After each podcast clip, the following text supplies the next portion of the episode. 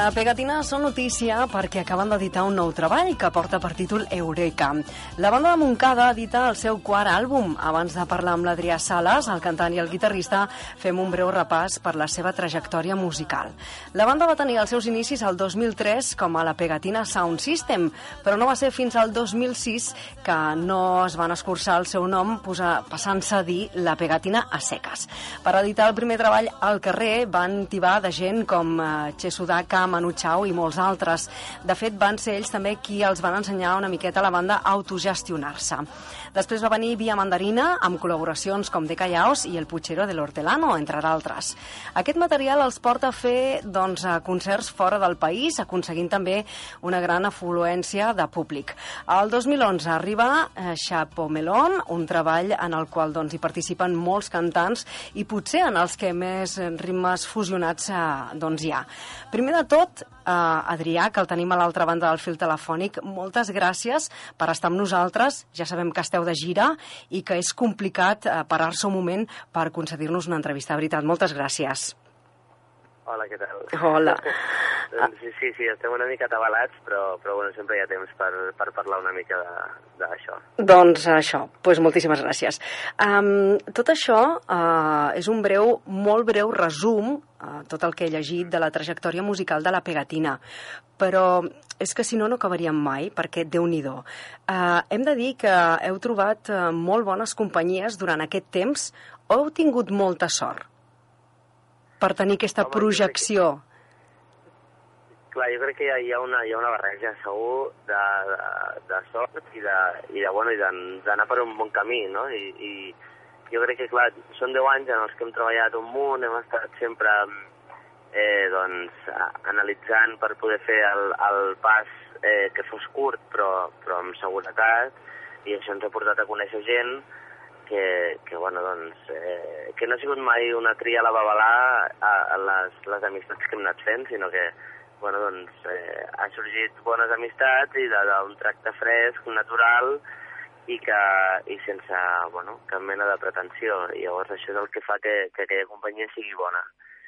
I, i bueno, a banda d'això, eh, doncs jo, jo crec que, el, que, que, bueno, que sempre ens hem intentat ajuntar amb bons professionals per nosaltres poder prendre el màxim de, de totes aquestes companyies i, i poder, doncs, això, créixer a poquet a poquet, uh -huh. però, però bueno, amb bona lletra i, intentant aprendre la professió com, com s'ha de fer. Uh -huh. Què porta un grup de Montcada a tenir una projecció internacional com la vostra? Perquè teniu molt bona acollida fora d'aquí. Sí, sí, sí, sí, però bueno, jo no crec que l'èxit estigui en seva Montcada, eh? Bé, eh, era, per, era, per, era per situar una miqueta d'on venia sí, la pegatina, sí. no? sí, sí. Eh, no, mira, el, simplement eh, nosaltres al, al 2007, gràcies al fet, jo crec que eh, la majoria de, de coses que hem fet a fora, o, o almenys als inicis, han estat gràcies al que nosaltres regaléssim, bueno, regaléssim, eh, deixéssim en lliure descàrrega el, el nostre disc no? i la nostra música.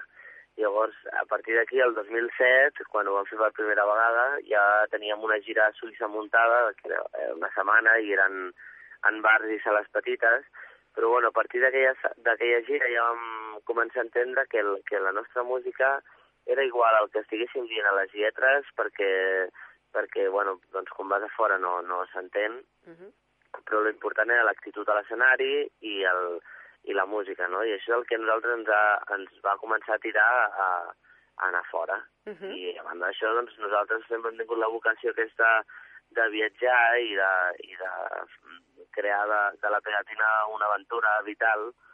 I, i bueno, llavors, a poc a poc, vam anar, vam anar picant a altres països, a França, Alemanya, Polònia, a, a Itàlia, i, i bueno, a partir d'aquí, com que ens va ajudar molt a, a tots aquests viatges, al final a, a que repercutís més a, en els nostres shows aquí a casa, uh -huh. perquè havíem entès altres coses com bueno, doncs el ritme, la música, l'actitud, la, la intenció, eh, que s'havien de transportar aquí en directe per, per poder oferir un, un plus de, de qualitat en l'escenari. Uh -huh.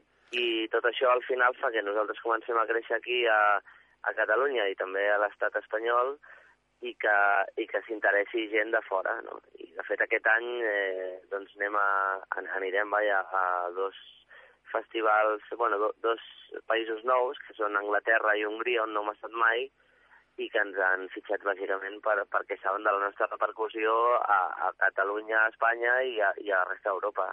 Vull dir que al final tot és, és anar picant pedra i creixent i, i, i bueno, intentant aprendre i, i ja està, i evolucionar a poc a poc. Uh -huh. Quin ha estat el país que més us ha sorprès? Eh, aviam, jo crec que el, eh, sempre diem Xina perquè, clar, eh, Xina hi ha un xoc evident cultural Sí. que, que, bueno, doncs, eh, està clar que, que és algo que no, no et passa tots els dies i que probablement si algun dia s'acaba la pegatina, esperem que no, doncs, doncs ens quedem sobretot amb, amb la idea aquesta de, de hòstia, com està Xina i, i, bueno, és una cosa totalment diferent a, a com nosaltres ho pensàvem que era, no? Però també jo em quedava també amb, amb Equador, que és un país on, on vam estar el maig passat, que a mi em va sorprendre eh, en realitat molt gratament, Uh -huh. perquè, clar, jo m'esperava, doncs, eh, molta pobresa, un país tercermundista totalment, i vaig veure que, que, bueno, que no tenia res a veure amb, el, amb la imatge que nosaltres tenim aquí, no? I a part que, bueno, doncs, ens van portar una, a una, una comunitat indígena Uh -huh. eh, i, en, i ens va fer una cerimònia en quichua, en l'idioma de, dels aborígens equatorians, i, i bueno, és una experiència també molt, molt eh, com diria jo... Eh, molt Enriquidora? mística, no? I, eh? Una experiència enriquidora, que t'enriqueix. mística i, Mhm. i màgica, no? És una que no ens havia passat mai, estàvem tots super atabalats perquè portàvem una època de, de molta feina i de cop i volta estàvem doncs, en una comunitat que potser eren 200 persones, eh, un, re, un 70% de, de nens petits, Uh -huh. i, i ens estaven allà doncs, fent una cerimònia per nosaltres, per donar-nos la benvinguda, per purificar-nos l'ànima i, i bueno, una, una màgia ja que es respirava increïble, no? I això també em va fer pensar moltes coses. Uh -huh. I bueno, jo crec que aquestes són les dues grans experiències així que hem, que hem tingut últimament Molt bé. a països estranys. De fora, molt bé. Uh, parlem d'Eureka, és el quart eh, treball de la Pegatina. És potser un treball per celebrar els 10 anys eh, dins del panorama musical. Com ha estat treballar amb Marc Parrot? Doncs una experiència eh, enriquidora també, perquè és, és, eh, bueno, doncs és tot un mestre i, i nosaltres, clar, al principi mm, no les tens totes perquè, clar, dius, bueno, és un productor que està molt acostumat a fer, doncs, eh, tots el coneixem per la marató i, i per altres coses més pop, no?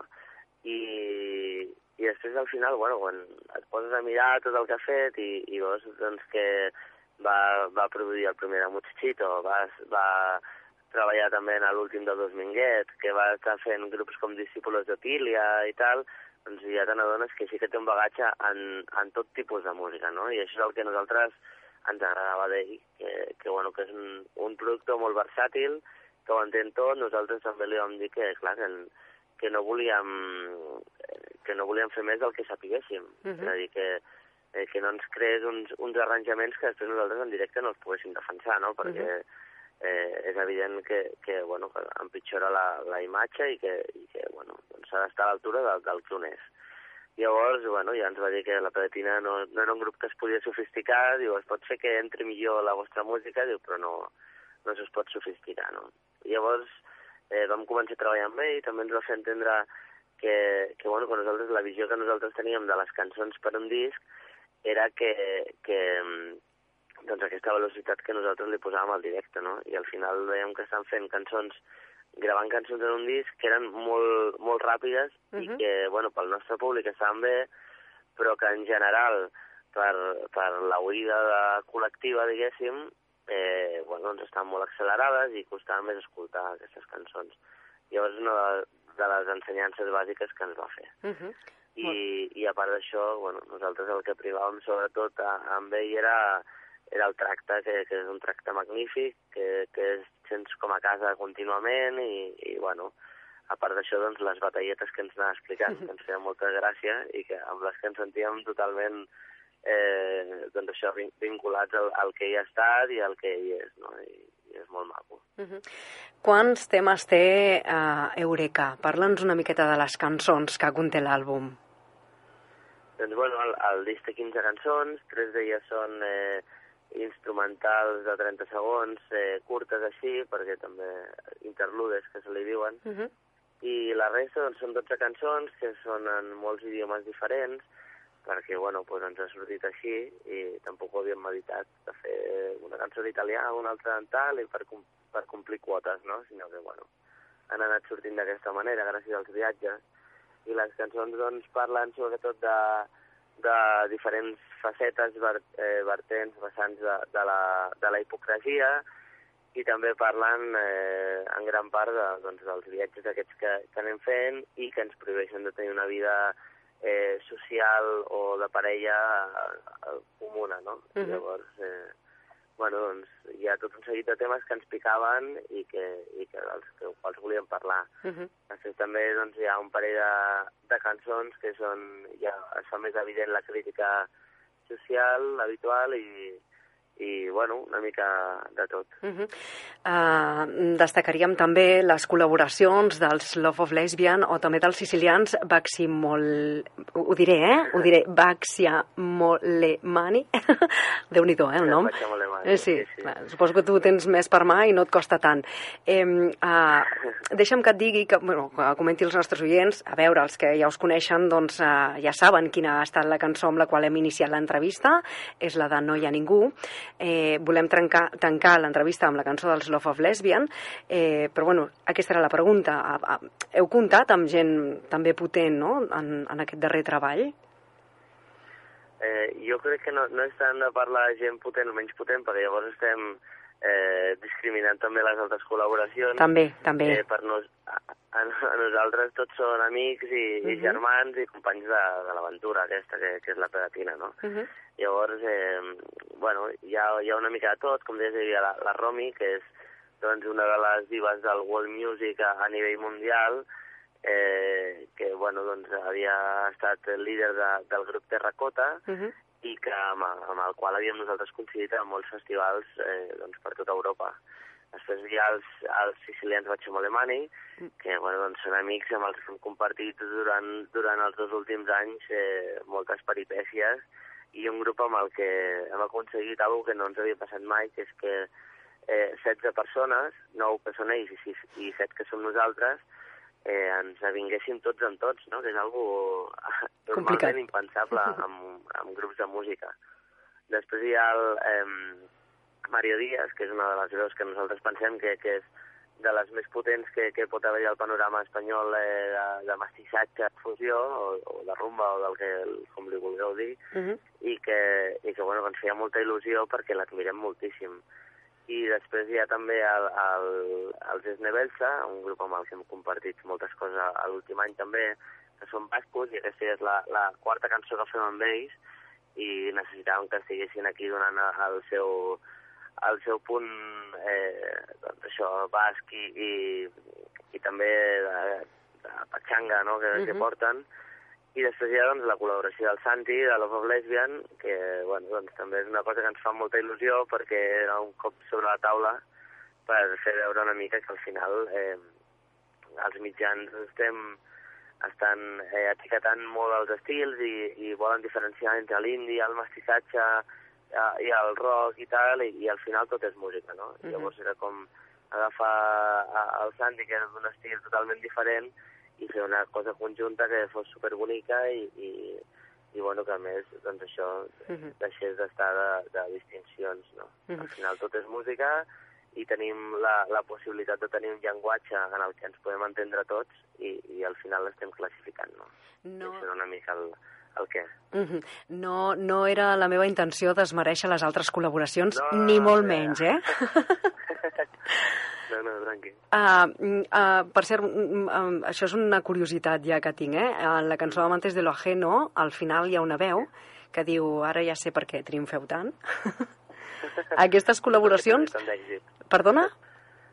Eh, diu, diu, ara ja sé per què teniu tant d'èxit. I això, sí. Aquestes col·laboracions suposo que també formen part, no?, una miqueta de, del rotllo que porta la pegatina tant a l'escenari, perquè sou imparables, molt fiesteros, sinó que també a les gravacions, no?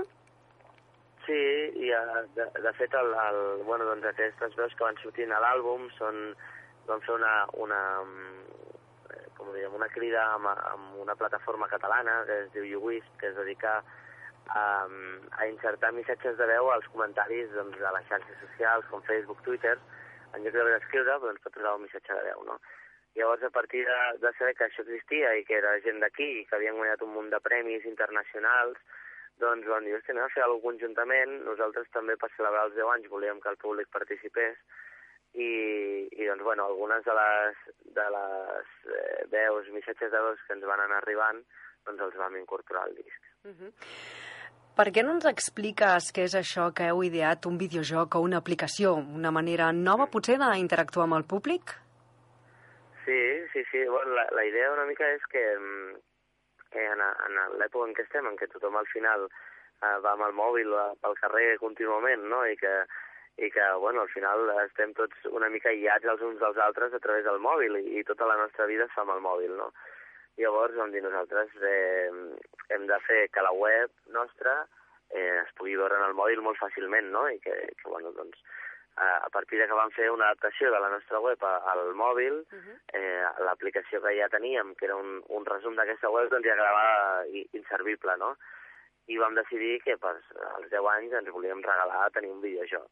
Uh -huh. I llavors vam crear aquest videojoc, que es diu La Pegatina de Game, que està, és gratuït, com la nostra música, i està doncs, a, per Android i per iOS, per iPhone, iPad, etc. Doncs, eh, bueno, que, que, és un joc en el que eh, nosaltres anem, a, bueno, som els protagonistes i ens poden triar cadascú de nosaltres, hi ha unes missions a complir i, i tots els obstacles o ítems que s'han d'agafar per, per anar fent aquestes eh, missions doncs són elements que formen part de, doncs, de cada una de, de les cançons de, de la nostra discografia. Uh -huh. I és la primera vegada, eh, però, almenys pel que nosaltres sabem, que, que hi ha un grup que, que, doncs, que posa en, en una mateixa aplicació tot un disc sencer, no? I, i doncs això és una mica la idea, és que creiem que al final eh, el món de, de la música passarà per les aplicacions i pel mòbil, no? Llavors, doncs, era ja avançar-nos aquesta idea. Molt ben pensat. Um, segons he llegit, el darrer treball, Eureka, es publicarà en 10 països diferents. És la primera vegada que publiqueu d'aquesta manera? Sí, i de fet ja, ja, ja en són 11. Ah. Vull dir que això va creixent.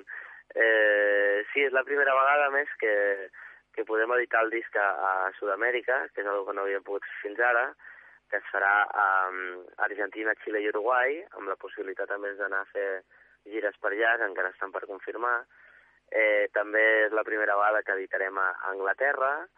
I, i bueno, la resta de països sí que ja havíem editat el, el, el disc passat. Eh, i bueno, és una... s'han anat venent perquè nosaltres doncs, també hem anat, hem anat tocant per allà, doncs en els últims anys hem fet una gira internacional molt àmplia i, i bueno, i, i això és el que, el que ens incita, no? que al saber que, que a poc a poc ens anem universalitzant i anem sent ha doncs, un fenomen eh, doncs, europeu i, i, i que bueno, s'interessa gent de fora per nosaltres i per la nostra feina i, i a poc a poc anem, aconseguint conquerir una miqueta més de món. Uh -huh. 18 mesos de gira, 50.000 descàrregues d'Oreca, gairebé 700 concerts. Què us queda per fer? Queda tot encara. Ara només, jo crec que aquest disc el que fa és començar, o sigui, obrir-nos obrir, una altra porta més de totes les que ja ens han obert doncs, tota la música i tot el treball que portem darrere.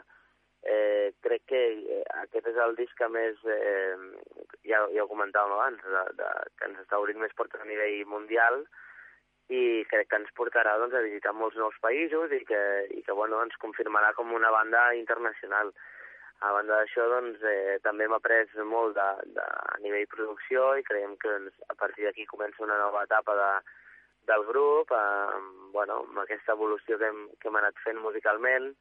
També és el segon, el segon disc que fem amb la formació de set definitiva i llavors, bueno, doncs, a poc a poc anem fent moltes més coses i anem creixent i anem confirmant-nos confirmant-nos a poc a poc a, a tot arreu. A banda d'això, a, a, a finals d'aquest any eh, traurem un documental sobre la història del grup, que és una que ja fa temps que estem planejant, on es podran veure doncs, eh, trossos de, del que hem anat fent a, a Xina, a Equador, a, a Holanda, a tot arreu, no? I, i bueno, a poc a poc, doncs això, a nosaltres el que ens agradaria és una banda universal.